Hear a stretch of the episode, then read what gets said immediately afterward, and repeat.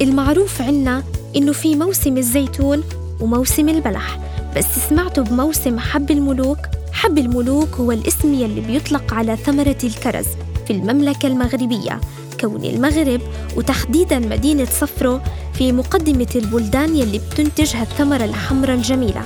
ولأنها بتنتج سنويا حوالي سبع آلاف وأربعة أطنان من الكرز بينظم المغرب كل سنة مهرجان حب الملوك.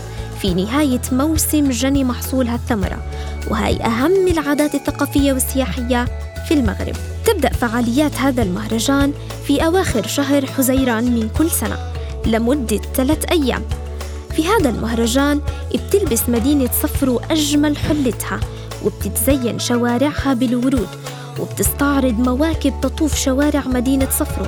على ضوء المشاعل وأنغام الأهازيج والموسيقى الشعبية والأغاني الأمازيغية. إلا أنه أكثر ما يميز هذا المهرجان هو انتخاب ملكة جمال حب الملوك.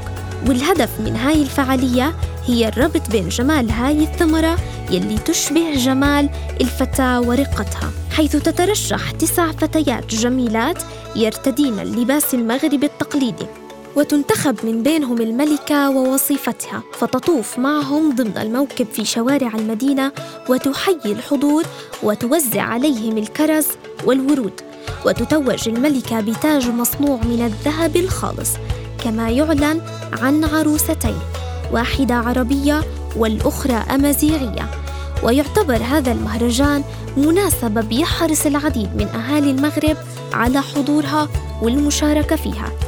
كما بيحضر العديد من السياح من مختلف بلدان العالم.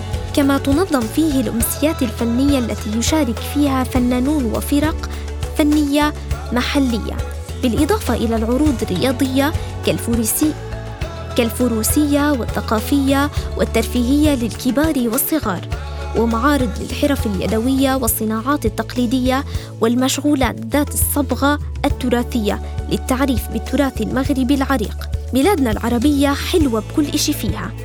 حلاوة بحلاوة الكرز الأحمر. حلوة بحلاوة عاداتها المليانة كرم وجود وحسن ضيافة. واحتفاء بالجمال والسلام.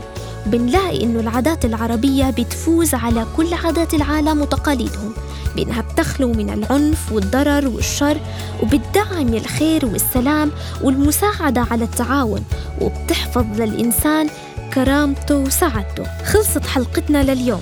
استنوني بحلقة جاية من بودكاست من عادات الشعوب وخليكم دايما على الأمل والحب والسعادة.